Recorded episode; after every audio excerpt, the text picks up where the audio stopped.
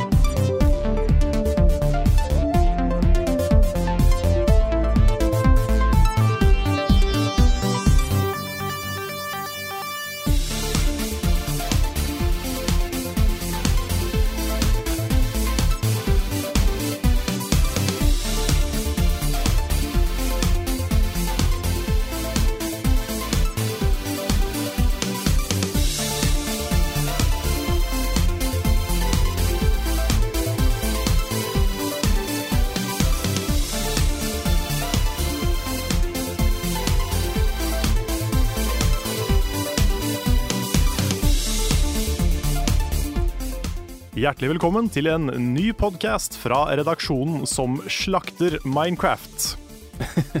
Hallo, Rune. Hei, Carl. Er du i form? Jeg er i form. Vi ble Ja. jo litt sure begge to når vi så eh, hvordan episoden vår var. ble litt, litt ampere, kan vi kanskje si. Ja da. Det var jo en uh, uttalelse som du kom med i din hva skal man slags, kalle en slags sånn preview-anmeldelse. Det var jo ikke en Ja, anmeldelse sånn minianmeldelse av første episode, liksom. ja, av eh, Minecraft Story Mode. Mm. Og det var jo ikke slakt. Nei, men du sa en setning som jeg syns var bra, som jeg foreslo som frontforslag. Som var at de har tatt bort alt som gjør Minecraft til Minecraft. Mm. Og det er på en måte en interessant eh, vri på det. Ja, det er sant. Og da ble fronten tolka det da som helt slakt. Ja, For de hadde ikke sett innslaget, de hadde bare sett den overskriften. Ja, Og nettopp. tenkte at å ja, nå slakter vi Minecraft.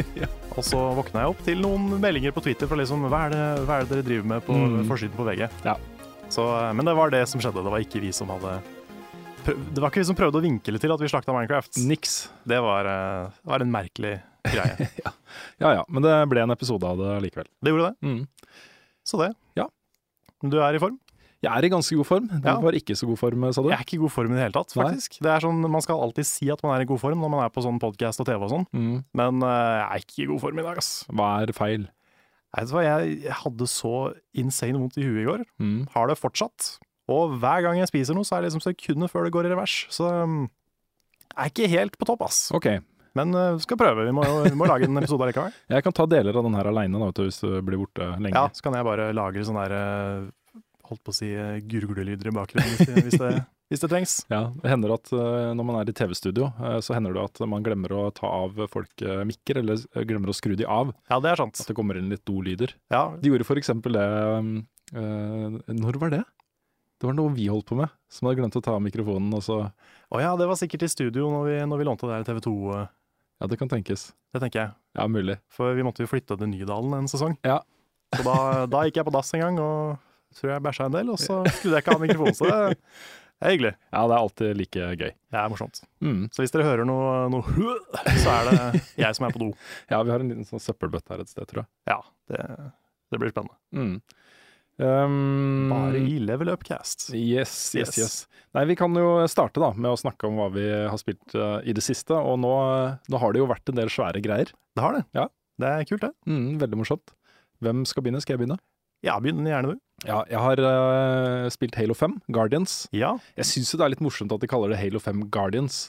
Ja, det er liksom, de kunne kalt det Halo 5 Destiny. Ja, for eksempel. Mm. Um, dette er jo da uh, den gamle storheten til til Bungie, som er overtatt av eh, 343 Industries. Og de gjorde jo en kjempegod jobb med Halo 4. Det var skikkelig Halo. Og det var mer Halo enn det Halo 3 var, følte jeg. da. Jeg syns det var en veldig god historie. Mm. Eh, en veldig sånn fokusert og deilig historie i Halo-universet. Uh, hvor annet eh, disse forerunners kom mer eh, til overflaten. De hadde jo ligget der som en sånn bakteppe i Halo 1, 2 og 3. Eh, I Halo 4 så kom de skikkelig til overflaten, og det ble kult, da. Mm. Uh, Halo 5 er et uh, litt annet beist. Uh, her er det satsa veldig, veldig mye på co-op. og det er på en måte en todelt singleplayer-kampanje. Ja, for du har Master Chief på den ene sida, og så har du de som jakter på Master Chief på den andre sida, ikke sant? Ja, det er en uh, lokk, et eller annet heter han, som på en måte jakter på Ganske tidlig i spillet så går uh, Master Chief Rogue uh, og okay. uh, bryter ordre og gjør noe han ikke eh, skal gjøre. Hmm. Eh, og så får da han Sergeant Lock, eller eh, nå husker jeg ikke helt hva han heter, eh, i oppdrag da å finne han. Ja, ok. så, um, så det blir på en måte Du følger begge de to historiene. Eh, og du kan da spille hele greia i fireplayer co-op. Og jeg, Ja. i starten så var jeg litt så Eller uh, før jeg begynte å spille, så tenkte jeg liksom OK, det å dele den opp på den måten, og det å ta fokuset vekk fra Master Chief og sånt, at det uh, kanskje ikke ville fungere så bra. Men, eh, men det funker. Og det, jeg, må, jeg møter meg selv litt i døra, fordi sånn som med Halo 3 for eksempel, kritiserte jeg veldig fordi jeg syntes det var en veldig uengasjerende historie. Okay. Eh, litt sånn på autopilot. Veldig underholdende spill selvfølgelig, og bra teknisk og mekanisk og alt dette her. Men litt sånn, OK, det føltes som om Bungie var ferdig med Halo. At de ikke gadd å gjøre sånn skikkelig innsats for å en ordentlig, ordentlig bra finale. Ok. Um, så da tenker man liksom det, det er så lett å si at Halo 5 er ikke det Halo jeg hadde lyst på. Altså, det er ikke den derre Master Chief mot alle uh, type tingen, liksom. Den derre ensomme helten som reiser rundt og oppdager ting og utforsker ting og sånt. Uh, det man vil ha, er jo litt endringer på formelen, ikke sant. Man vil jo egentlig det. Mm. Uh, og sånn sett så funker også dette her. Ja, så du er positiv hittil? Ja, da er jeg positiv. Hvis man tar liksom kjernen i Halo, hva Halo skal være, så er det jo epic science fiction, eh, storslagne omgivelser, storslagne hendelser. Eh, at ting skal være veldig stort da, og engasjerende og actionfylt og eh, ja, litt sånn Jeg vet ikke. Stort, da. Ja. Og det er Halo 5 altså. Ja, jeg husker jo Coop-en fra de gamle spilla. Ja. Der er det jo sånn at alle er Master Chief. Ja da. Um, var det sånn i alle de andre spilla? Uh, ja. Eh, de har jo I Halo 2 så gjorde du en stor vri hvor du kunne spille som arbiter. Du kunne spille som en, eh, som en annen alien-rase, liksom. Okay. Eh, og da også fulgte du to historier. To separate historier som møtte hverandre litt underveis. Okay. Um, men nå er det da fire helt unike personer som kan styres. Og eh, hvis du spiller alene, så kan du gi de enkle kommandoer. Eh, eller så er det drop in, drop out, co-op. Du kan starte din egen dedikert server for co-op, og så kan vennene dine bare droppe inn eller droppe ut osv. Ja. Det er ikke helt kurant eh, AI på, på disse folkene her når du spiller alene, altså. Er det ikke det? Nei, det er definitivt ikke det. Men uh, Ja, Ja, det høres jo interessant ut. Ja da, det er det også. En god historie uh, ut fra det jeg har sett så langt. Og uh, veldig spennende, veldig underholdende. Um, det er ikke alt jeg liker med det, men jeg tenker at for meg så er først og fremst Halo en, en singleplayer-opplevelse. Um, og ja. Ja. Det er digg. Det er digg. Mm.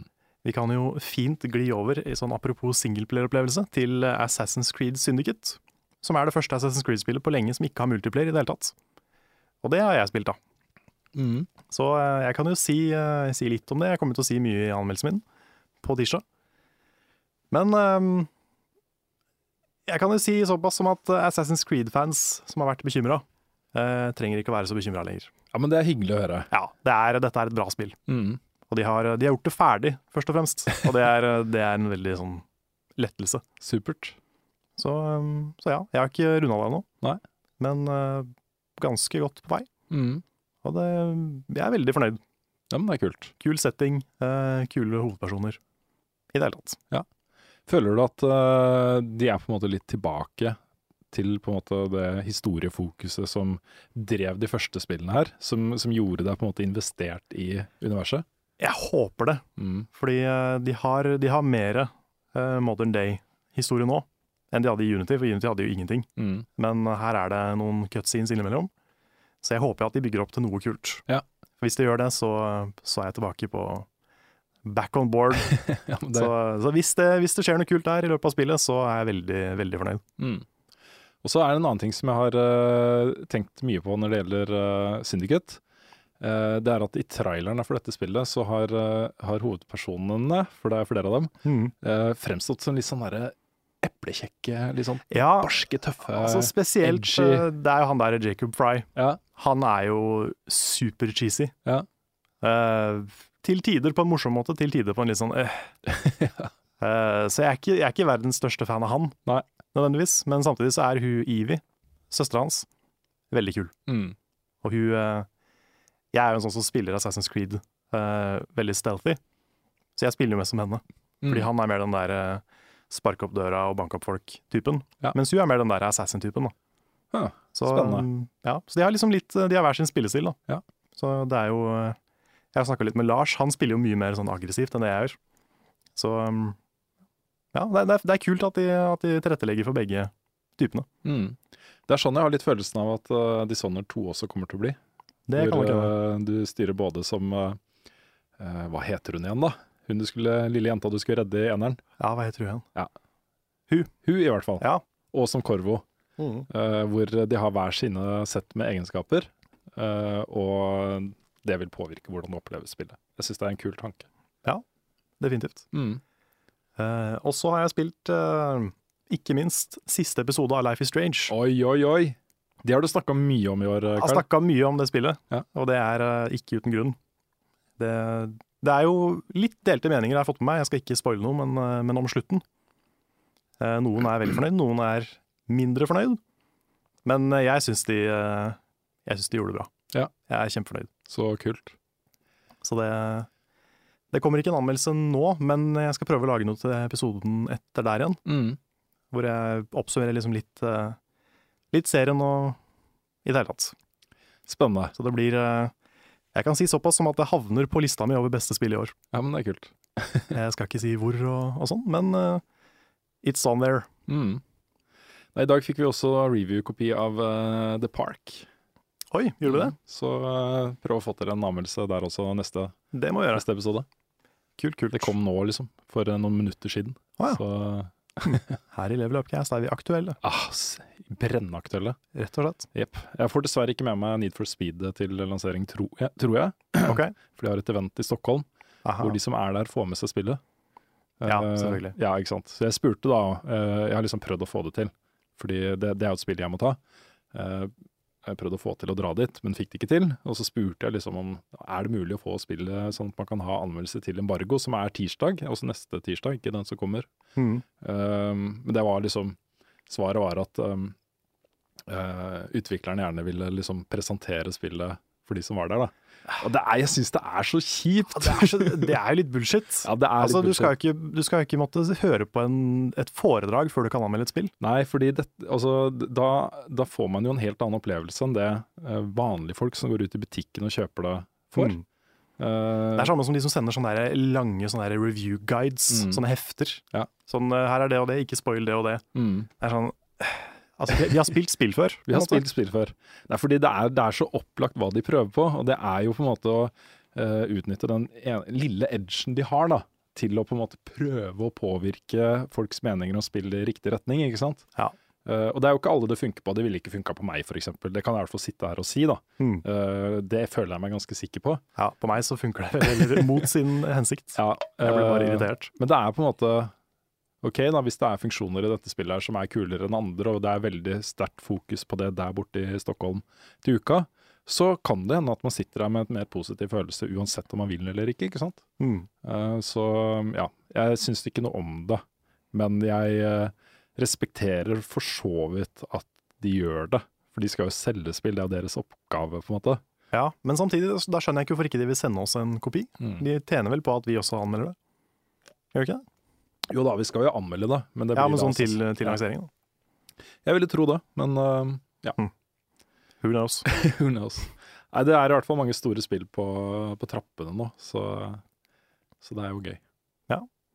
Ja, det skjer mye nå. Det er jo nå fram til jul Mm. som uh, spillåret virkelig bare kjører opp i, i topp, toppgir. Det gjør det.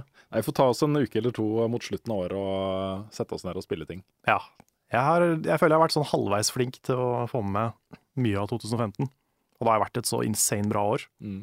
Uh, men det er fortsatt en del jeg ikke har ikke spilt. Så Så kan det hende at det er noen andre i redaksjonen som trenger litt mer tid til catch-up det. kanskje, Kanskje. kanskje, uten å nevne navn. Uten å nevne navn.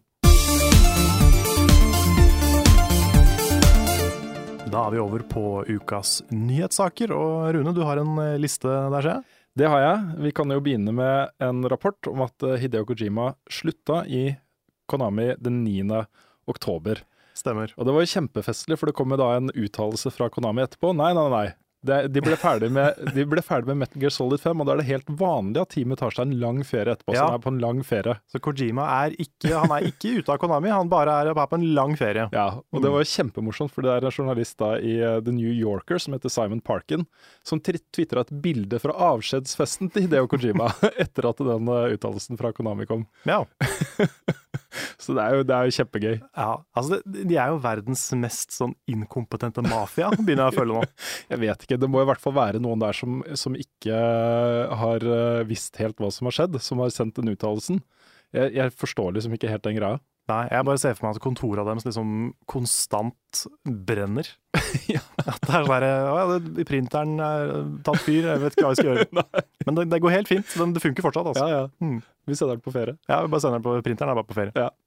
Nei, også, det er jo morsomt. Det kan jo hende at eh, Kojima bare har stikket uten å si fra til Konami. Det, det vet jeg ikke. Det Kanskje. kan jo hende. Men eh, Nei, men han har jo hatt en avskjedsfest. en sjef må jo ha fått vite det, på en måte. ja, jeg vet ikke. Nei.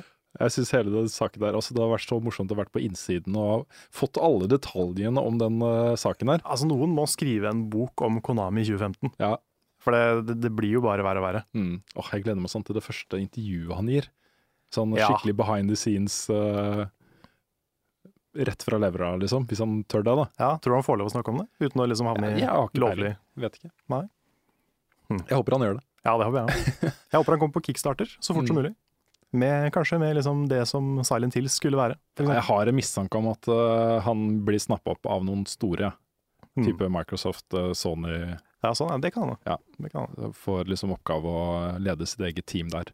Mm. Uh, og han har, han har så høy standing at hvis han får en, en sånn type jobb, da, eh, så vil han eh, få frie tøyler. Ikke sant? Han vil få full kreativ frihet. Mm. Og eh, ja. Det er ikke alltid det er en god idé. Du så liksom litt hva som skjedde med eh, Peter Molyneux da han eh, ble på en måte ansatt av Microsoft. Han eh, fikk jo liksom i oppgave å hjelpe litt andre teams og litt sånne ting også, men eh, han, uh, han syns jo ikke noe om den jobben. Nei, og han er en sånn eh, 100 kreativ fyr. Ikke Som ikke har struktur i det hele tatt. Mm. Som trenger noen som liksom Dø, nå må vi gjøre oss ferdig, liksom. Ja. Men uansett, da, jeg håper det kommer mer spill fra Kojima, og jeg gleder meg til, veldig til å høre hva, hva det eventuelt blir. Mm. Så ja. Over til en annen eh, litt festlig sak. OK? Eh, Rockband 4 har kommet ut. Ja. Der har eh, en rekke, eh, ikke, ikke definert antall, da, men en rekke ansatte i Harmonix blitt ferska i å skrive anmeldelser av det spillet på Amazon. Oi. Og de har innrømt det. Wow. Mm. Så uttalelsen fra Harmonix går jo på at de nå har oppdatert retningslinjene internt for hva som er akseptabel eh, opp oppførsel av de ansatte der. Eh, og også sagt at, eh, at dette ikke var noe organisert. Dette var bare enkeltansatte som var genuint veldig glad i spillet, og som mente at det fortjente gode anmeldelser. Ja ja. Det, kanskje. Ja, alle, Samtlige ga det fem stjerner. Selvfølgelig. Mm. Jeg lurer på hvor vanlig det er. Det er, jeg tror det er kjempevanlig. Ja, jeg har jeg en følelse av at det er noe mange gjør. Dette her ble jo avdekka av årvåkne brukere på Reddit, eh, og etter hvert også på Destructoid, eh, som kobla brukernavn til eh, faktisk ansatte og sånne ting. Mm. Så det er fint noen følger med. Det er det. Det, er, det har kommet mye investigative journalism fra Reddit. Det har det. En annen en veldig interessant sak er at Activision nå starter en egen e-sportavdeling. Jaha. Uh, og det er jo selvfølgelig fordi de har jo mange av de største e-sportspillene uh, i stallen sin. De har uh, Starcraft 2, eh, Hearthstone, eh, Heroes of the Storm og selvfølgelig også Call of Duty, som nå satser veldig på e-sport. Mm. Eh, det som er interessant er at den eh, e-sportavdelingen vil bli leda av tidligere ISBN-toppsjef eh, Steve Bornstein, eh, og eh, tidligere president i Major League Gaming, eh, Mike Sepso. Så det er en ganske betydelig satsing de gjør der. Ja, kult. Eh, De sier jo at, eh, at de tror e-sport vil bli liksom hvor stort som helst i løpet av de neste årene. At det er grunnen til at de gjør det. Ja, ja e-sport har jo ligget og liksom murra i, i populærkultur i noen år nå. Det har det. Så det er vel bare et spørsmål om tid. Det tror jeg også. Har det morsomt å fått med han fyren som sa at han heller ville hva det? Heller ville skutt seg enn å kommentere video games. Han burde de fått med. Han burde de fått med. Han burde de Det har vært definitivt fått med. kjempegøy. Siste lille store saken vi skal nevne før vi går over til spørsmål og svar, er at YouTube har starta en abonnementstjeneste i USA. Eller vil si de gjør det 28. oktober. Ja. YouTube Red. ja, og det er jo en vits som alle har tatt før oss, men det høres jo veldig ut som RedTube. ja, det gjør det. Det gjør det. Det er kjempebra. Det er- du det er morsomt. Ja. Ja. Ikke at jeg vet hva det er, men uh, Nei, jeg vet ikke, jeg bare hørte, hørt navnet. ja. Mm. Dette er da snakk om en abonnementstjeneste som koster 10 dollar i måneden. Du får uh, eksklusivt innhold, bl.a. fra PewDiePie. Ja, Uh, du får videoer uten annonser. Du kan laste ned videoer fra YouTube, og du kan se video offline. ja. Så det er basically et abonnement, sånn type Netflix og HBO. Mm. Det store spørsmålet for min del er hva skjer med de som lager videoer? Ja, det er uh, et godt poeng, det. Ja, For det, det er vel ikke noe info om ennå. Nei, altså det, det er vel snakk om en, en uh, De som er med på den abonnementstjenesten, eh, blir det snakk om en, en uh, Altså all eh, tittertid blir målt og registrert, og så får, får innholdsprodusenten en cut av inntektene. Ok. Uh, så, så den biten er på en måte jeg, jeg tror nok Google kommer godt ut av det. Det kan nok eh, godt hende. Ja, men øh, hvis det her blir svært, så blir det, det er så mye penger i omløp at det kan godt tenkes at dette er en god idé for særlig de store kanalene, mm. som også kanskje kan forandre seg fram til gode øh, avtaler Ja. for å ha eget eksklusivt innhold der. Mm. Ja, det er jo kanskje potensielt verre for de små, Mm. type de norske også. Eh, Men det er, jo, det er jo mye som skal komme nå. Det har vært sånne donasjonssystemer, og det har vært noe type paid subscription, sånn som på Twitch. Det er mye det har vært snakk om, så jeg er spent på hva som kommer holdt på å si, først til Mm. Norge. Ja, For det er jo det er interessant for oss også. Vi driver jo mye med YouTube, vi gjør det. så uh, hadde vært greit å kunne gjøre det. Eh, ja, for det skjer jo ting i VG om dagen. Det gjør det. Interessant. Mm, Mm. definitivt. Eh, vi trenger ikke å gå i detalj på det, men eh, vi kan jo nevne da, Ja. at vi er jo litt bekymra for jobbene våre om dagen. Ja, for det er jo Det var jo på Dagsrevyen i går, var det ikke det? Jo da. Nedskjæringer i VG og diverse ting. Ja. Det var litt morsomt, derfor i går så satt jeg og stilte ned med andre ting og podkaster og klipping og spilte Halo og sånne ting. Hmm. Uh, og så har det da havna en del mailer i, i en sånn ny uh, postkasse på, uh, på Outlook, som vi bruker her, som heter Clutter. Og der var det jo sånne informasjonsbrev da, med innkallelse til møte, allmøte i auditoriet og, og oh, sånne ting.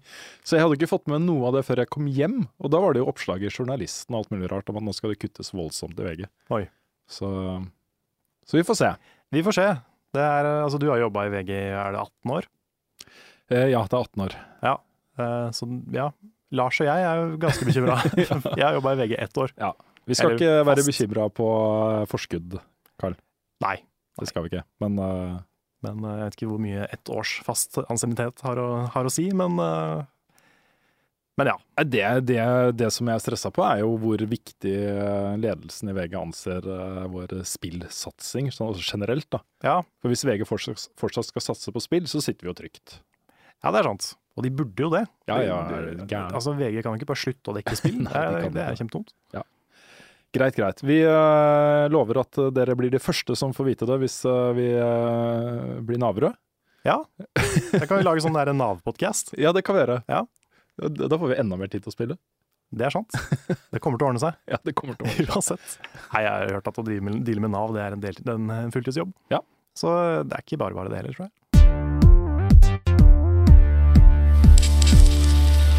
Vi skal svare på spørsmål fra dere som hører på, sånn som vi alltid gjør. Ja. Uh, håper at stemningen kommer litt, uh, litt opp da. Ja, at det blir litt mindre real og skummelt og, og sånn. Ja. Ja, vi prøver på det. Vi starter med et fra Kim A. Johansen. Uh, han sier at han trenger vår hjelp. Jeg har nylig kjøpt meg en PS4 og storkoser meg for tiden med Fifa 16, Rocket League og, og Assassin's Creed Unity. Men jeg har en kjæreste som absolutt ikke finner noen av mine spill interessante. Jeg har nå prøvd å finne et spill som også hun kan finne interessant, slik at vi kan spille sammen. Men med ei dame som spiller kabal på mobilen sin som underholdning, sliter jeg veldig. Har dere noen gode tips til spill for par? i coop, hvor den kvinnelige parten ikke er veldig inne i konsollspill, men absolutt har lyst til å prøve. Håper dere kan hjelpe meg. Ja. Um, jeg har noen forslag med en gang. Ja, kom med dem. Uh, Det første er Never Alone, som jeg spilte sammen med kjæresten min. Hun er jo ganske spillinteressert fra før, men, uh, men det er sånn, det er kort, og det er uh, koselig. Det er coop hele veien. Og i det hele tatt. Mm. Så det er en bra kandidat. Ellers så er det jo type Rayman Legends, Rayman Origins, de spillene der. Mm. Uh, Sånn type to, tre, fire player coop-spill. Ja. Som er liksom enkle, men veldig bra. Mm. Brothers, kanskje? Brothers, for eksempel. Ja. Det er vel på, ja, det er på PS4, eller? Ja, det er også på PS4. Ja, ok. Mm. Kult. Altså, det, det er jo et litt øh, krevende spørsmål også, fordi uh, det er veldig mange spill som det er gøy å spille sammen med andre, selv om det ikke er coop. Mm. Uh, og jeg har spilt massevis av coop med søstera mi, f.eks. Tomb Raider, uh, Resident Evil. Også et action adventure-spill hvor man på en måte bare bidrar hele veien. Man sier 'gå dit', 'gå dit'. Nei, prøv dette. Ja. 'Å, jeg har en løsning på den puzzlen her', liksom. Så bytter man på å styre Lara Croft, f.eks. Mm. Jeg syns det er en veldig koselig måte å spille på. Ja. Um, nå er jo jeg i en ganske lik situasjon, men, uh, men uh, kona er ikke interessert i det hele tatt. Nei. Så nå venter jeg bare på at barna mine skal bli litt eldre. så blir det bedre. Ja. Um, men det å spille sammen med liksom sin bedre halvdel er en veldig koselig ting, da. Absolutt. Jeg vil også trekke fram for eksempel eh, Life is Strange, Mm. for det er på PS4 nå, og det det er et spill som funker å spille sammen med en annen. Altså. Det blir jo som å se en TV-serie sammen. En Ja, skikkelig bra TV-serie, hvor man på en måte, selv om man ikke har kontrollen selv, så er man på en måte aktiv del av historien. Mm. Man er med på å ta de valgene man må gjøre hele Ja, tiden. ikke for det er, det er spesielt det. Mm. Sånn, eh, et av de første valgene du får, det er liksom Du har sett en fyr med pistol, skal du si det til rektor eller ikke? Mm. Og da står du der, og da, da kommer den diskusjonen, ikke sant? Ja. Sånn der, skal vi si det til rektor, eller skal vi la være? Ja. Så ja. Ja, Hvis man skal inn på den gata, så kan man jo trekke fram Telltale-spillene også. Walking Ja. Dead og uh, Game of Thrones og Mm. alle disse her. Nå så jeg også uh, Tales from the Borderlands har kommet ut som samlepakke på PS4. ja, jeg har hørt at den er ganske bra. Det er Det en, jeg av de få, en av de få Telltale-spill jeg ikke har spilt. Mm, ja, i like måte, så- men det har jeg lyst til å teste. Mm. Eh, jeg ser også at, eh, at eh, Kim har fått et svar fra René Bjerknes Olsen. Han har simpelthen bare svart 'kjøp deg en Wii U'. Ja, det er jo altså Det er et ganske godt svar, egentlig. Det er et poeng. Ja. For Wii U er jo den store multiplayer-party-vennekonsollen. Mm. Det er der du får alle de beste partyspillene og multiplayer-spillene. Ja, så hvis du er så interessert i å spille sammen med dama di at du kunne vært interessert i å kjøpe en Wii U, så er det noe du kan vurdere, Kim. Det er en god investering. Eh, Remi, Remi Granheim lurer på om det var en ekte reaksjon da jeg, jeg tapte i duellen og skrek fine ord inn i puta. jeg lo så mye at jeg la den delen ut på Insta. Jeg skal ikke svare på det spørsmålet. Nei. Jeg skal snakke litt sånn generelt, fordi eh, måten vi spilte inn duellen på, det var jo Jeg kan i hvert fall med 100, 100 sikkerhet uh, si at alle duellene var helt 100 riktige og, og ekte, liksom.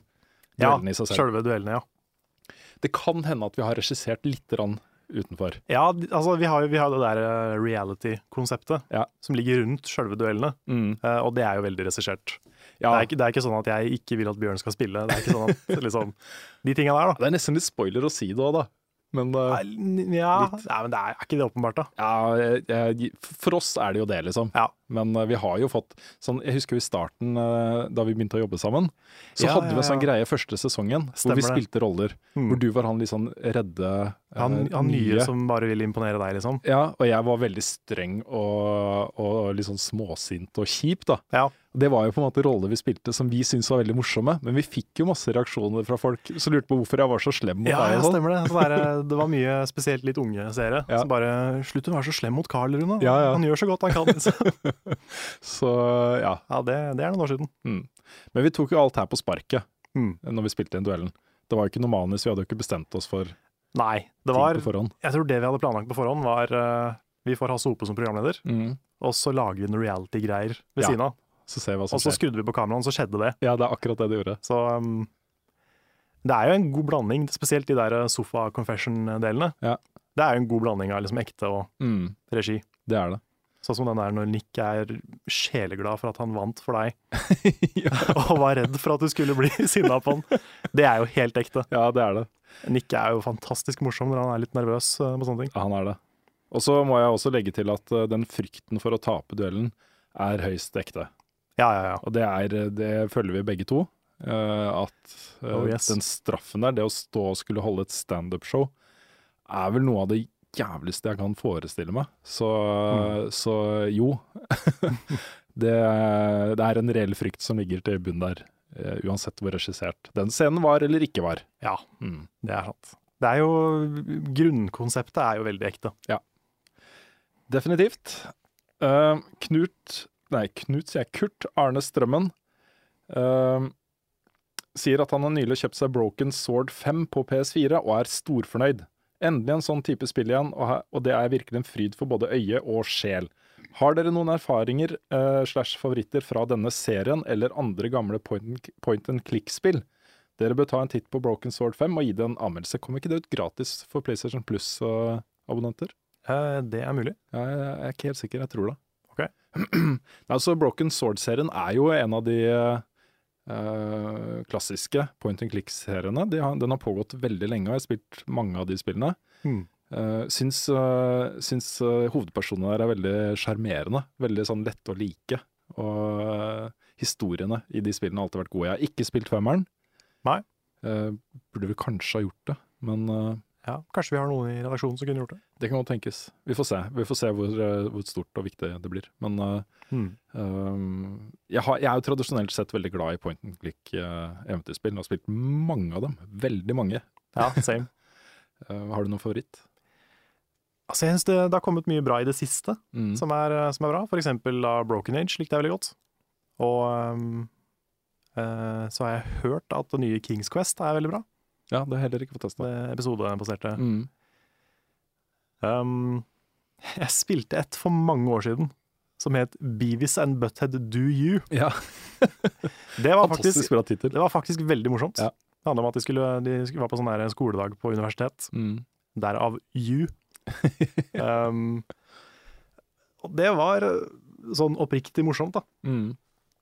Men uh, det er jo mange. Jeg har spilt mye. Eh, jeg, har vært, jeg har spilt litt Grim Fandango, for eksempel, Ja. som er eh, dritbra. Ja, det er helt fantastisk. Mm. Det var det jeg også skulle nevne. Det er kanskje mitt favoritt eh, point and click eh, adventure-spill. Ja. Tales to the Moon. Mer eller mindre. Ja, for da er det kanskje favoritten min. Um, ellers er Monkey Island, særlig Monkey Island 2, er jeg forferdelig glad i. Mm. Det kom jo så mange bra LucasArts-spill på den tida, så Sant? det var på en måte den gylne, gylne tidsalderen. Ja, det, det var det jeg kom på i farta. Mm. Uh, vi tar ukens eh, Trond Sinfor Borgersen-spørsmål. Ja, ok. Mm. Eh, hvis dere fikk et valg om å lage et spill fra en bestemt tidsperiode, og fra en hendelse som har skjedd i virkeligheten og som står i historiebøkene, hva skulle spillet hete, og hvordan type spill hadde dere laget? Vi burde Oi. kanskje forberedt oss litt på den, Ja, Trond. den burde vi nok forberedt, for uh, der er jeg ganske blank. Uh, ja. Uh, det her blir bare helt vilkårlig, det første jeg tenker på. Ok. Men, uh, men Månelandingen, kanskje? Ja. det, det er jo kjedelig. De bare kjører langt, og lander de. Ja, det kunne vært et eh, psykologisk dramaspill Mm, om månelandingen, ja. og hvordan den var faka, For eksempel. for eksempel. Ja, det skulle være faktisk historisk, da, men uh, Ja, ok, ok da. ja. Um, ja Uh, Har det blitt laga Ja, det har jo det. Det har blitt laga mange spill om liksom The Rise and Fall of Roma. Mm. Det har vært mye RTS og sånn, er det ikke det? ja, det har vært mye RTS. Men uh, kanskje et liksom mer type adventure-spill, Mm. da. Ja. det. Kanskje. Kanskje det. Jeg ehm, I hvert fall i min ungdom så er jeg veldig veldig opptatt av liksom azteker-univers og Ja. Sånn. Maya maya og Ja, det hadde vært kult. Et eller annet der. Mm, For der er det også mye kult å ta tak i. det er det. Ja. Nei, nå ble jeg veldig sånn tankefull. Jeg også. Uh, neste gang, Trond, så etterlyser vi et litt lettere spørsmål å svare på. Ja. Mhm. Fordi Sånn, du er eh, flink til å stille oss spørsmål. Veldig, det er, det er høy, høy kvalitet på spørsmåla, og ikke alltid så høy kvalitet på svarene våre. Nei. Hvis vi kommer på noe underveis i denne episoden, så kan vi komme tilbake til spørsmålet. Ja. Mm. Hadde, du, hadde du spilt et spill om, om Grunnloven 1814? er, det, er det noe der? Ja, kanskje det. Kanskje, hvis noen er flinke nok. Yes. Mathias Kjølstad, eh, spørsmål til deg. Vet du, hva, vet, du som, vet du hva som har skjedd med Ole Pelusa? Eh, ja, han eh, Det er en kompis av meg som jeg lagde mye videoer med før. Og han eh, har vel egentlig bare tatt en pause fra YouTube. Det er ikke mer dramatisk enn det. Han fant ut at han ville gjøre noe annet. That's it. Ok. Jeg lurer på også om det kommer noe mer kosekveld. Jeg har snakka med Bjørn om det. Mm. Eh, hvis, hvis vi får Altså, hvis, hvis jeg får mer tid å dedikere til YouTube uh, i fremtiden, så har jeg lyst til å ta opp Kosekveld igjen. Mm. Sånn som det er nå, så har jeg bare ikke tid, rett og slett. Og Bjørn også har lyst til å gjøre det. Det er bare det er tid som er problemet. Ja. Rett og slett. Godt svar. Jan Tore Sylten lurer på om standupen som taperen av duellen må gjøre, filmet, slik at de som ikke er til stede, også får se den. Uh, og ja, det blir den. Det blir det. Den blir filma. Vi, eh, det har jo vært viktig for oss at den straffen skal være så kjip som mulig. Mm, Og dette var noe vi ble enige om før vi starta innspillingen av duellene.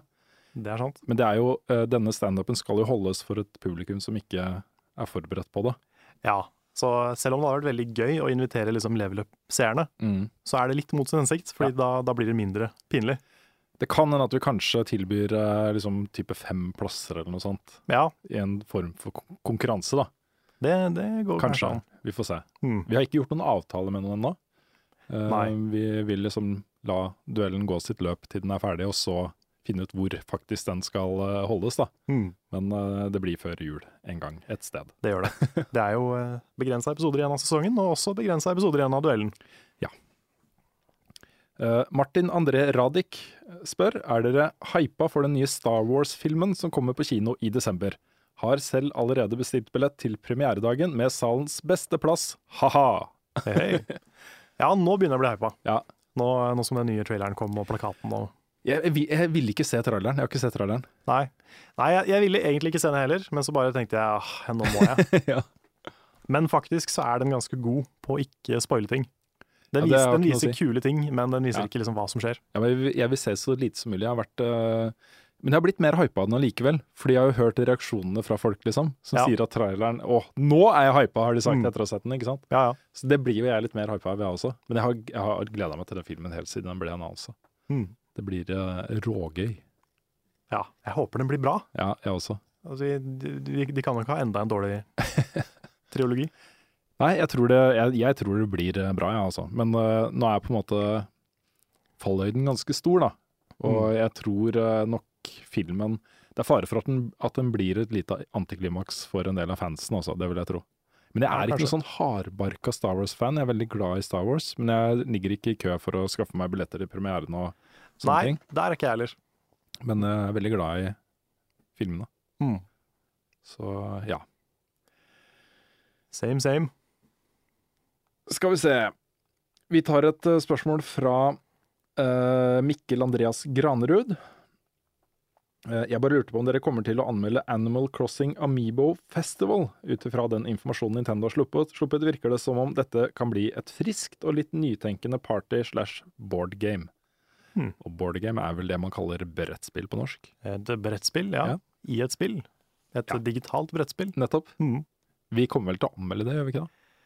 Jo, Du, du har jo eh, alle amiboene som har kommet ut noensinne. Jeg har eh, Ever? sju amiboer, Rune Fjellhus. uh, men eh, jeg har jo ikke noen av de Animal Crossing-amiboene. Jeg vet ikke om de har kommet ennå engang. jeg. Jeg har ikke peiling. Nei. Um, men eh, ja, det kommer mye nå, hvis det kommer før jul. Gjør det det? Tror du det gjør det? Jeg tror også det. Um, ja, jeg er litt usikker på om jeg rekker det, for nå er det ting så å si hver uke framover. Men uh, vi må prøve å få anmeldt det òg. Mm. Det er litt sånn i gata med Mario Party, eh, så vidt jeg har skjønt. Eh, ja, så vidt jeg har skjønt også. Mm. Jeg kjenner jeg soner litt ut, jeg er ikke så interessert. Nei, jeg, jeg, er litt, jeg er litt nysgjerrig, men jeg har, ikke, jeg har ikke noe forhold til Animal Crossing som serie. Så Mm. kanskje hvis noen i redaksjonen har det, så kan de ta en titt på det. Eh, vi har fått mange spørsmål fra mange mennesker, annet et fra en som allerede har eh, fått spørsmålet sitt stilt. Martin André Radich. Eh, Ok. Han skriver eh, Spillekspo nærmer seg med stormskritt, så jeg lurer på når dere kommer til å være der, og eventuelt hva opplegget deres er. Ja. Ja, det er ikke lenge til. Det er ikke lenge til. Det er veldig nærme, faktisk. Ja. Sånn, eh, vi, vi skal være der, og vi skal vel sannsynligvis være der store deler av helgen. Ja. Tipper er i hvert fall fredag og lørdag. Ja, ja lørdagen er vel kanskje den største dagen uh, Ja. der. Det er det. Da skal Lars og jeg også på hvis, hvis ikke det blir flytta, så skal Lars og jeg på scenen faktisk på lørdag. Nettopp. Når eh, Og- på dagen. Siste jeg hørte var klokka to. Mm. Det er litt sånn eh, signing og kanskje litt eh, utdeling av ting. Ja. Så, så det skjer i hvert fall. Vi skal også prøve å få til innspilling av podkasten vår Ja. live. Mm. Ja, sånn som i fjor. Sånn som i fjor. Det var veldig ålreit. Det var kult, det. Så vi må prøve å få en timeslot til det. Mhm. Eh, vi kommer også til å ha litt aktiviteter sammen med sponsoren vår eh, Komplett. Eh, om det blir live Let's Play eller podkasten vår eller streaming av et eller annet. Det, mm. det vet vi ikke helt ennå, men det skal skje. Det er kult. Vi kommer til å følge med på e-sportopplegget til Gamer.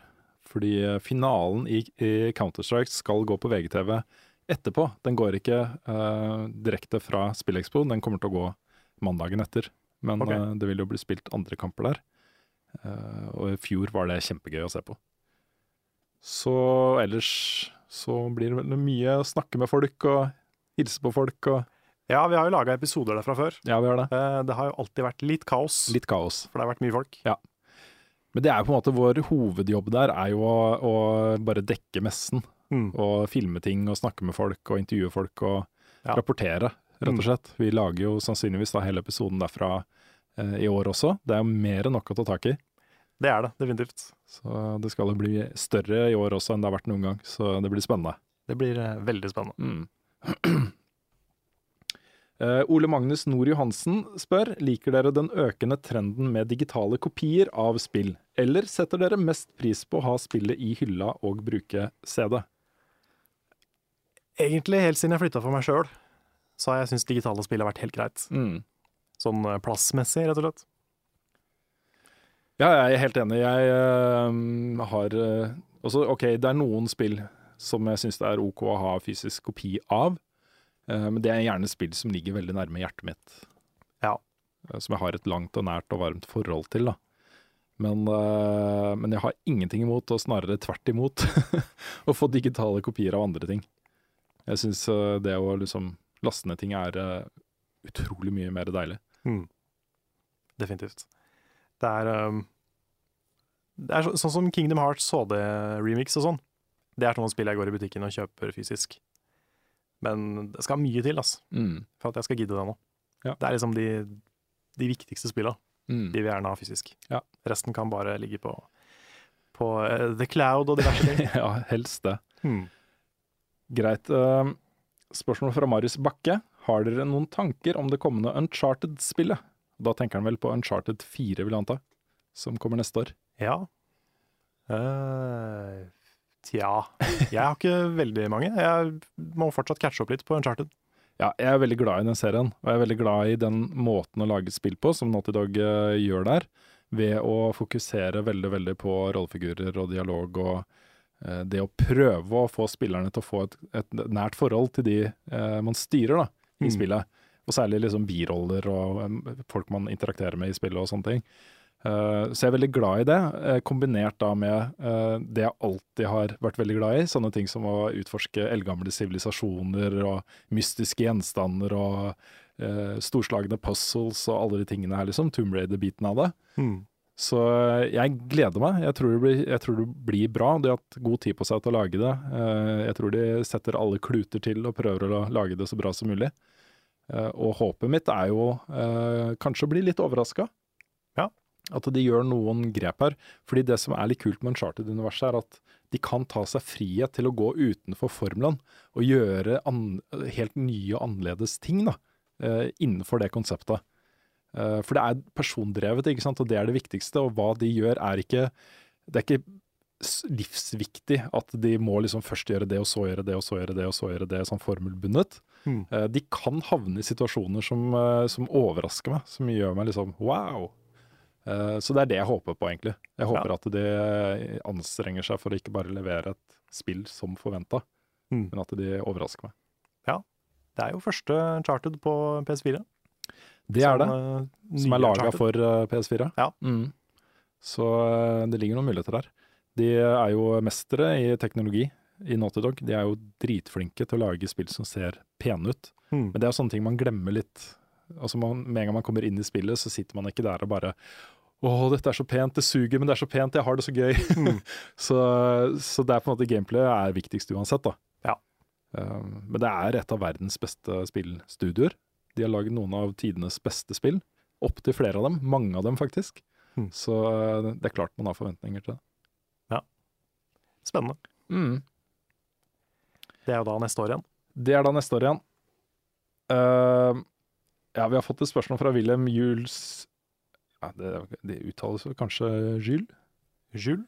Wilhelm uh, Jules Drivflott. Ja, nå vet jeg ikke, beklager Wilhelm om jeg gjorde det feil. Uh, men han skriver leste nylig at VG sier opp folk pga. nedskjæringer. Er noen i level up berørt av det?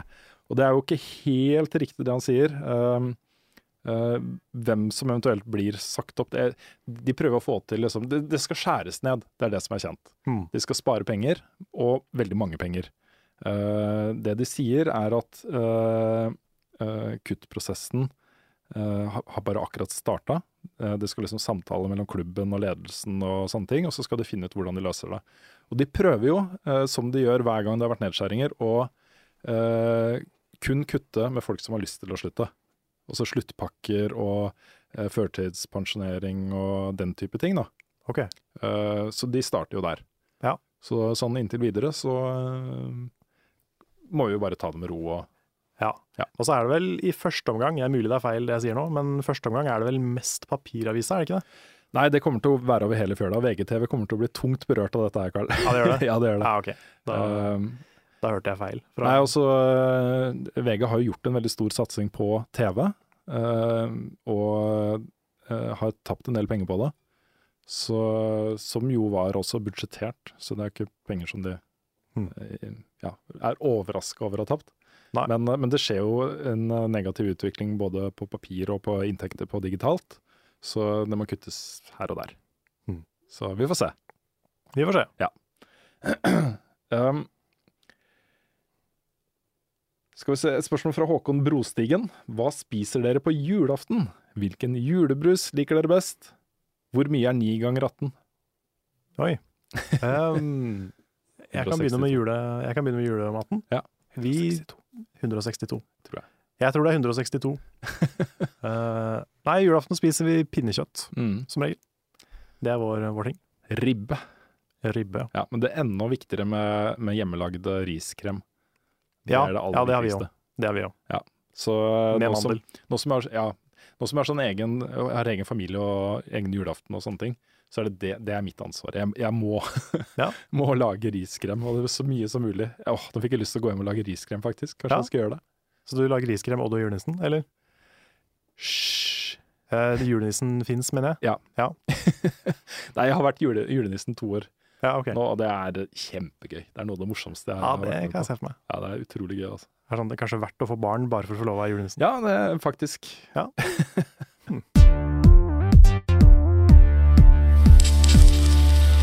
Vi tar et eh, spørsmål fra Øyvind Noste. Nå som Super Mario Maker har kommet, hvilke andre spill kunne dere hatt lyst på som et Maker-spill? Hva tror dere kunne ha fungert, og hva hadde vært gøy å ha? Megaman Maker? Zelda Maker? Det var et veldig bra spørsmål. Et kjempebra spørsmål. Jeg kjente at jeg ble liksom sånn Ja, Begynte å klø i sånne det var sånn kreative fingre med en gang. Ja, sånn her bli gira-spørsmål. Ja, det var Ja. det. Eh, ja, i hvert fall Megaman og Zelda, det var det første jeg tenkte på. Så nå sa han det. Ja. Uh, Metroid Maker. Metroid Maker, ikke minst. Det hadde vært eh, dritkult. Mm. Um, Bortsett fra at mye av gleden i Metroid er jo de kult designa bossene, så det måtte jo ha vært en egen boss-editor der. Hvor Ja. du kunne designa dine egne bosser og ja, sant. Hmm. Nå fins jo allerede RPG Maker som et litt mer robust program, Ja. men uh, alltid nye versjoner av det. Jeg, jeg drømmer jo liksom fortsatt om å lage en uh, oppdatert, litt mer voksen versjon av det spillet jeg lagde for mange år siden. Ja, ikke sant. Så um, kanskje en dag. Nei, fordi Hvis man ser på liksom de brettene som folk har lagd da, med Super Mario Maker, det er jo mye av det som er, har veldig, veldig høyt eh, nivå. Ja. uh, Ja, det er, det er litt todelt med Mario Maker, fordi jeg føler liksom mesteparten får meg til å respektere Nintendo sin level design veldig mye mer. mm, Fordi det er, det er mye som er kult, men som ikke er så Det har ikke den der kvalitetsfølelsen da, Nei. som eh, Nintendo ofte har. Men samtidig, det som er bra, det er dritbra. Ja. Det, er sånn, det er så kreativt og stilig mm. at det aldri kunne kommet fra noe annet enn liksom random folk på internett. Da. Ja. Så eh, Mario Maker er liksom ekstremt i begge retninger, Mm. og det er litt kult. Ja, det er Det er et sånn stilig eksperiment å se hva, hva verden gjør med liksom nøklene til Mario. Mm. Så det er stilig. Jeg kunne veldig gjerne tenkt meg å se det samme med Selda også, fordi eh, Mm. den serien har jo vært så flink til å eh, hva skal man si, levere unike opplevelser hver gang. Ting som er litt rare og annerledes, og parallelle universer, og, og, og ting som skjer, liksom. Som er spennende, da. Ja, og det åpner opp for ganske mye sånn kreativ utnyttelse av akkurat det konseptet. Mm. Hvordan skal hver verden se ut, hva slags templer skal det være, hva slags eh, fiender skal det være. Alle de tingene her, liksom. Ja, sant. Tenk deg hva vi kunne sett da fra folk, det hadde jo vært dritkult. Ja, ja. ja. Kanskje, kanskje Telltale Maker? Kanskje det. Det begynner å bli ganske mange Telltale-spill, så Ja. de følger jo en formel alle sammen. Mm. Så, hmm. Ellers så er det jo eh, ja, Jeg føler det er det samme som Mario Maker, men det er sånn som Rayman Maker, Mm. Sonic Maker. Det er mye lettere å gjøre den type ting med 2D-spill. Ja, Det er ikke noe tvil om det. det hvis når man skal begynne å bevege seg både til, selv så i isometrisk 3D, som de gamle Zelda-spillene f.eks., Mm. så, så blir ting så komplisert. Det er sant. Så kanskje alt som er 2D. Ja, det er definitivt mye lettere med alt som er 2D. Ja. Jeg tror du, du kan få til isometrisk eh, 3D, altså. Ja, du kan det, det er Ja. noen tvil om det. Det er som det er verre med sånn tredjeperson Mm. 3D. Men isometrisk tror jeg, skal, det tror jeg ikke er så vanskelig nødvendigvis. Kanskje ikke. Det som hadde vært morsomt hvis det kom et Zelda Maker-spill, eh, hadde jo vært hvis man kunne samarbeide om Ja. eh, ting. Og så ha et collaborative uh, spill. da. Mm. Og at det var kanskje ikke så mange begrensninger på hvor langt det spillet kunne være og sånne ting. Ja, sant. Ja, det er mye, mye muligheter. Det er det. Jeg håper jo veldig på en Sonic Maker. Da hadde jeg sittet i årevis og levd ut barndommen min. Det kan godt tenkes det skjer. Kanskje. Mm. Det er ikke, de er ikke fremmed for å ta noen eh, sider ut av boka til Mario. Mm. Vi tar et eh, spørsmål fra Simen Meisdal. Hvilke forventninger har dere til Ratchet and Clank-filmen? Ja, det er jo du som er eh, ekspert på. Ja, men jeg har høye forventninger. Jeg tror det kommer til å bli kjempegøy. Og særlig siden det er det første spillet. Fordi jeg tror jeg kanskje har snakka litt om det før. Men det første spillet var dødsbra. Helt fantastisk. Jeg regner det som et av de beste spillene jeg har spilt. Men når jeg har spilt det igjen etterpå, så er det en del eh, greier med liksom måten historien fortelles på som er litt sånn klønete. Ikke klønete, men det, det sitter ikke helt som et skudd, da, sånn som det har gjort, gjort seinere i serien. Eh, den komiske timingen er litt eh, off, og det er litt sånne ting.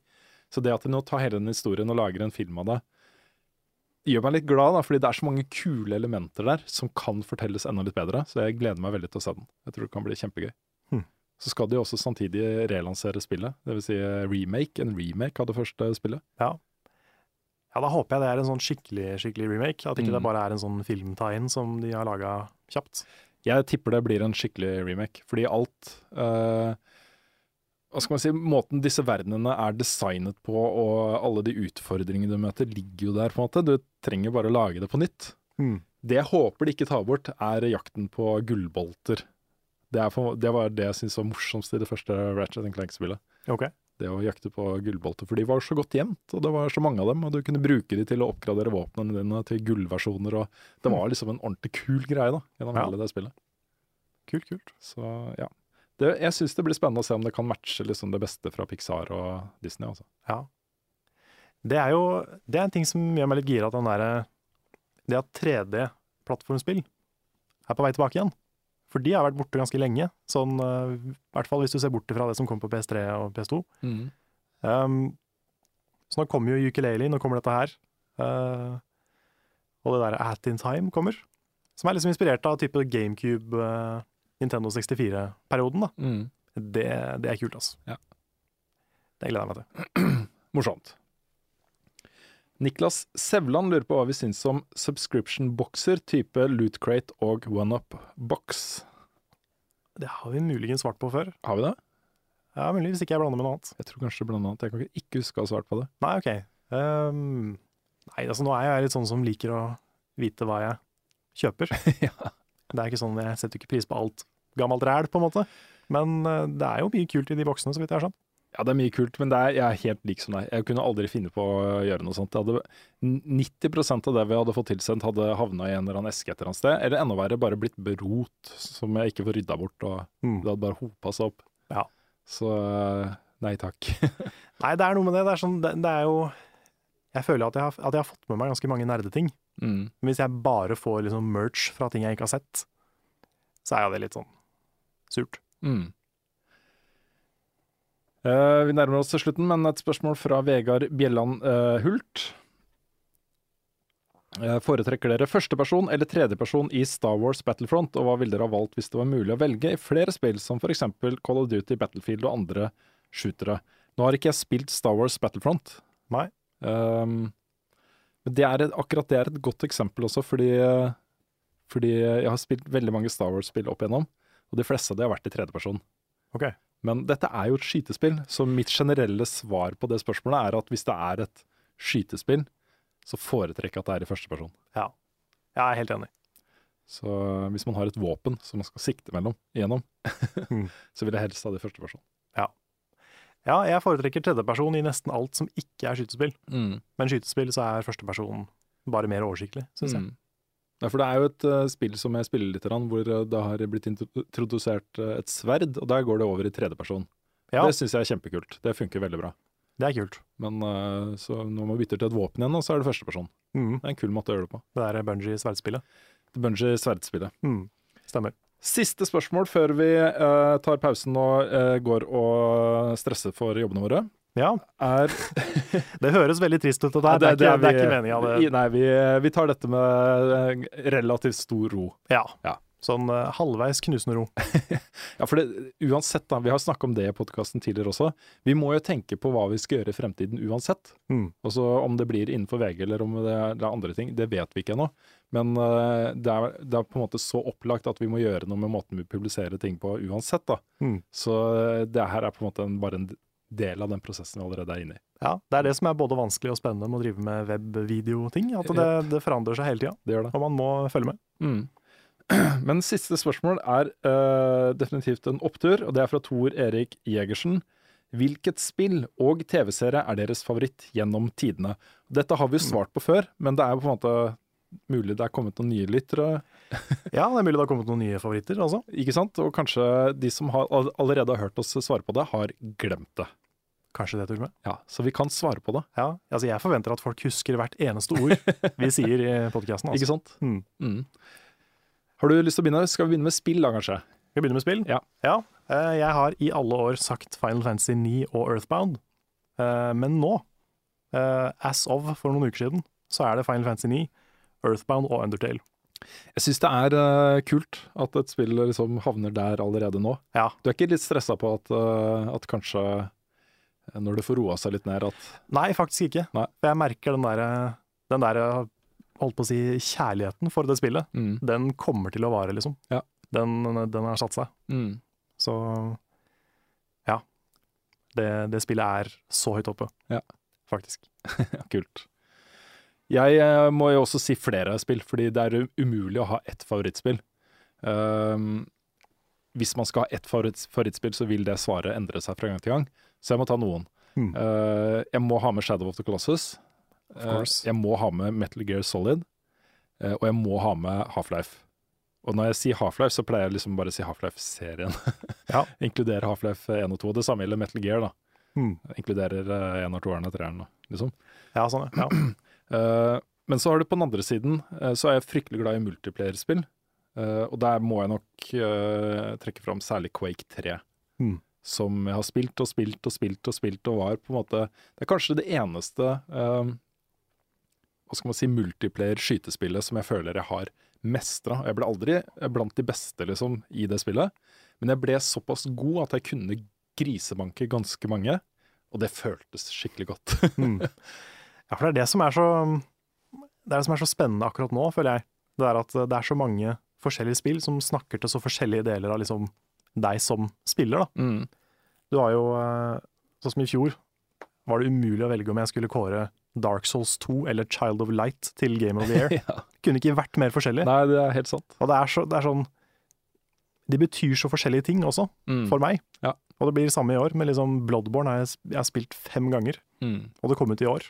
Ja. Det er jo insane. Ja, det er insane. Og, men samtidig, liksom, er det det som har betydd mest for meg i år? Det er Ja, ikke det. skal vi sette det opp mot Undertale? Ja, ikke sant? Du Det- nevnte ikke Bloodborne som et av de beste spillene du har spilt noen gang, så jeg Nei. aner, aner hvilket av de to som havner eh, øverst på din eh, Ja, det, du Av- kan jo ta de det som et visst hint. Et visst hint. Et visst hint, men, eh, men ja. Det er liksom Hvert år så er det sånn her, skal man, skal man høre på den der eh, erkegamer-gameplay-delen, Mm. sånn som Bloodborne er? Eller skal man liksom følge følelsene sine? Ja, jeg, da pleier jeg bare å følge følelsene mine. Ja, Det, jeg ser Men vi har vært i mange sånne diskusjoner. Jeg husker vi hadde en, eh, et år hvor vi diskuterte Stanley Parable, Ja, ja. som uh, vi begge to var utrolig forelska i. Mm. Uh, og da hadde vi ganske lange diskusjoner om det burde toppe listene våre. Ja, For da lagde vi bare én felles liste, Ja, for det? det det er et veldig bra eksempel. Fordi jeg hadde jo mye sterkere følelser egentlig for Stanley Parable enn for The Last of Us, som vi Mm. kåra til årets spill. Ja. Men det var vanskelig å sette det over The Last of Us likevel. Ja, jeg syns det. Så det er ikke så lett. Men sånn i ettertid så øh, føler jeg at vi gjorde det riktig, fordi eh, på min personlige topp 100-liste, liksom, så ville jeg nok ha plassert The Last of Us over Stanley Parable i dag, Ja, ja det er nok sant. tror jeg. Ja. Så øh, ja, det kan være lurt å bare prøve å løfte blikket noen ganger. Mm. Men TV-serie da, Karl? TV-serie, beste TV-serie. Det er jo TV-serie. ikke noe mindre lett å kåre én vinner der. Nei, for nå er det jo den der nye gullalderen for TV-serier som går i eh, beste velgående fortsatt. Eh, Jeg må jo sette Game of Thrones veldig høyt. Eh, Jeg tror den beste TV-serien um, Jeg tror det må bli eh, Neon Genesis eh, Evangelion. Det er jo en eh, anime, men eh, den er dritbra. Ja. Så jeg tror det må bli den, altså. Mm. Jeg har sett så mye bra TV-serier. Mm. Det er bare helt sjukt. Jeg, eh, jeg sliter litt med å rangere de mot hverandre også. Fordi eh, Hvis man setter liksom Breaking Bad opp mot The Wire, opp mot Sopranos, opp mot Six Feet Under, opp mot Twin Peaks, så er det liksom Det er så jevnt, da. De er på en måte jevngode. De er like bra på hver sin måte, på en måte. Ja. Men jeg, jeg, jeg tror kanskje at uh, den serien som jeg både liker best og respekterer mest for de grepene den tar, er nok The Wire. Og det er litt kjedelig svar, fordi det er litt sånn flinkis-svar. Men uh, den serien også jeg, jeg er så imponert over det de fikk til der, for den er så ekte. Mm. Uten at den er det, på en måte. Ok. Eh, det er dette du får av en autentisitet når du har liksom folk som kommer fra Baltimore, som kjenner liksom alle de politiske tingene veldig godt. eh, som kjenner liksom uh, skyggesidene av den byen, og, og så går inn i materien liksom i dybden for hver sesong, på hvert sitt tema. da. Eh, jeg, jeg bare, den, den var, den traff meg så godt, og kanskje også fordi jeg jobber i et eh, mediehus. Mm. Eh, fordi veldig mye av det som på en måte er tematikken her, er jo det som gravejournalister da, eh, avdekker, ikke sant. Mm. Så man følte virkelig at man kom liksom bak kulissene på eh, en ekte situasjon. Da. En ekte by med ekte mennesker. Eh, og så var den de grepene, de tekniske grepene med at det ikke var noe musikk. eh, at det var liksom veldig reality-feel over det, syns jeg fungerte bare helt vanvittig bra. Ja. ja, apropos veldig ekte, så må jeg jo trekke fram uh, The Leftovers. Og jeg nå trodde du skulle si Paradise Hotel. Å ja, ja. Uh, nei, det er ikke fullt så høyt oppe. men, uh, men The Leftovers, det er en sånn serie hvor jeg sitter med klump i halsen hver eneste episode. Mm. Samtidig som den er veldig mystisk, veldig sånn lost-mystisk. Ja. Den er også veldig høyt oppe. Det, den er ikke ferdig ennå, så jeg vet ikke åssen den blir. Men uh, den er utrolig sånn spennende, Mm. veldig ekte, veldig fin. da. Jeg klarte ikke helt å komme inn i den, men jeg skal gi den en sjanse til. Ja, den, eh, det tar litt tid, men jeg syns den tredje episoden, det er der det Ja, den var veldig bra. mm, Det var det. Jeg, han, det, jeg har bare sett tre episoder. Ja, Så den var ikke så bra, eller den var så bra at jeg egentlig burde ha fortsatt å, fortsatt å se på det, men eh, det ble bare ikke noe av. Her for det var den første som jeg liksom bare satt der med frysninger og bare shit. Mm. Ja, det var en kul episode. Dette her er big shit. Eh, ellers er jo den serien som fikk meg hekta på TV-serier, det var Buffy. Buffy the Vampire Slayer. Buffy, ja. Ja. Smallville var min første. okay. Men den tror jeg ikke holdt seg så bra. Sånn, uh... Jeg har sett Buffy igjen. Det er, uh, det er jo Joss Sweden. Ja. Og eh, det er måte Det er mye rart i den serien. Men uh, det er på en måte kjernen i den serien er jo dialogen og rollefigurene og disse tingene her, liksom. Mm. Som jo tar opp ting som ungdommer er opptatt av, og som er viktige. Og det er mange utrolig bra budskaper der som går på dette med mobbing og forskjellsbehandling og følelsen av å være utenfor og Ja. Uh, ja. Jeg er så sikker på at du hadde digga Life is Strange. Ja, jeg vet det. Jeg vet det. Mm. så eh, jeg skal, jeg skal spille det, Carl. Jeg skal Ja, spille. det det. Om det så blir på gamlehjemmet. Ja. Burde streama den en gang. Det hadde vært eh, dritkult å se på. kanskje. Bare ingen spoiler deg i chatten. Mm, Kanskje du må unngå å se på chatten. kanskje det. Nei, vi får se. Vi får se. Greit. Vi eh, runder av podkasten, vi, Karl. Det kan vi gjøre. Um, den skal jo klippes og publiseres før det er helg. Ja, og det er jo, eh, den kommer ut samme dag som vi spiller den inn også. Det gjør den. Så Um, jeg er fortsatt sjuk når dere hører på dette her. Ja, og faktisk så kommer også denne podkasten ut før kveldens store livestreame-event. Får jeg lov til å nevne det, eller? Ja, det syns jeg. Synes du det? Ja, Men er det, er det på Level Up, eller er det på Cosmodrome? Ja, det blir begge deler. Jeg tenker at, uh, at du eller Lars uh, streamer på Level Up. Ja. uh, og så streamer en og de andre på Cosmodrome. Ok. Eh, det er da snakk om Hard Raidet, som slippes i dag klokka sju. Ja. Og jeg gleder meg sånn, fordi vi skal liksom samle bare bra folk, da. Ja, men det, det blir hyggelig, det. altså. Ja, det gjør det. Så Det det er- er, eh, deg og Lars og Nick, Mm. og meg og Atle og Anders. Ja, jeg tror ikke vi har tatt et raid for første gang sammen siden det første. Det Har tror jeg du har rett i. Ja, jeg tror du tok uh, Crowdtar-raidet uten Gjorde meg jeg første det, altså? gang. Jeg lurer på det. Jeg, lurer, jeg mener å huske at vi tok det sammen. Fordi eh, vi venta jo litt. Ja, kanskje Jeg vi tror ikke vi tok det på dagen. Nei, stemmer det. Vi, vi hoppa ned og sjekka litt, og så kom det var kanskje da Hard Raid kom. Jeg husker ikke hvordan det var med Nei, jeg husker ikke jeg heller. Men, uh, men det blir gøy. Ja, det blir Jeg gleder meg. Samme, Ja. For det blir oss, og så blir det Lars, og så blir det Nick, Mhm. og så blir det resten av Radio Cosmodrome. Som jeg akkurat Kult. nevnte, Carl. Ja. Eh, og forrige gang vi raida, så hadde vi jo multiscreens. Så vi prøver å få til det nå også, OK, kult. på et eller annet vis. Nice. Men det blir i dag klokka 19.00. Fredag klokka 19.00 skal Yes. vi streame det. Kult. Det blir kjempespennende. Det blir bra. Så- Da runder vi av. Ja, vi gjør det. Mm. Tusen takk til alle som har eh, hørt på. Eh, en spesiell hilsen til eh, Torry Pedersen. Eh, la oss få lov til å beholde jobbene våre. Er du snill? Ja. La oss fortsette å snakke om spill, please. Ja. Um, og så er vi tilbake med en ny episode på tirsdag med anmeldelser av Assassin's Creed uh, Syndicate Ja. og Halo 5 Guardians. Eh, og forhåpentligvis The Park. ja, allerede, ja. Ja, for det er embargo klokka tolv på tirsdag. Ja, OK. Ja, kult. Det lanseres også på tirsdag, Riktig. så vi må fatte det. Det vil jeg på. Vi høres igjen eh, også i Radio Kosmodrom neste uke. Og så ses vi på Twitch og Facebook og YouTube og Ikke måte på. Nei, ha det bra. Ha det bra.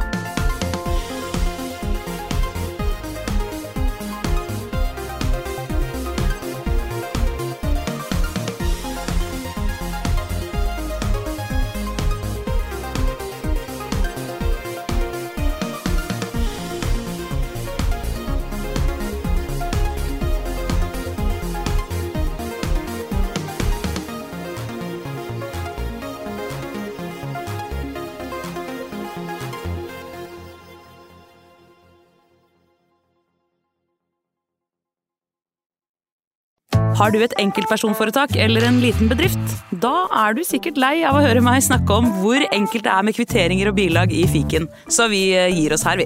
Fordi vi liker enkelt. Fiken superenkelt regnskap.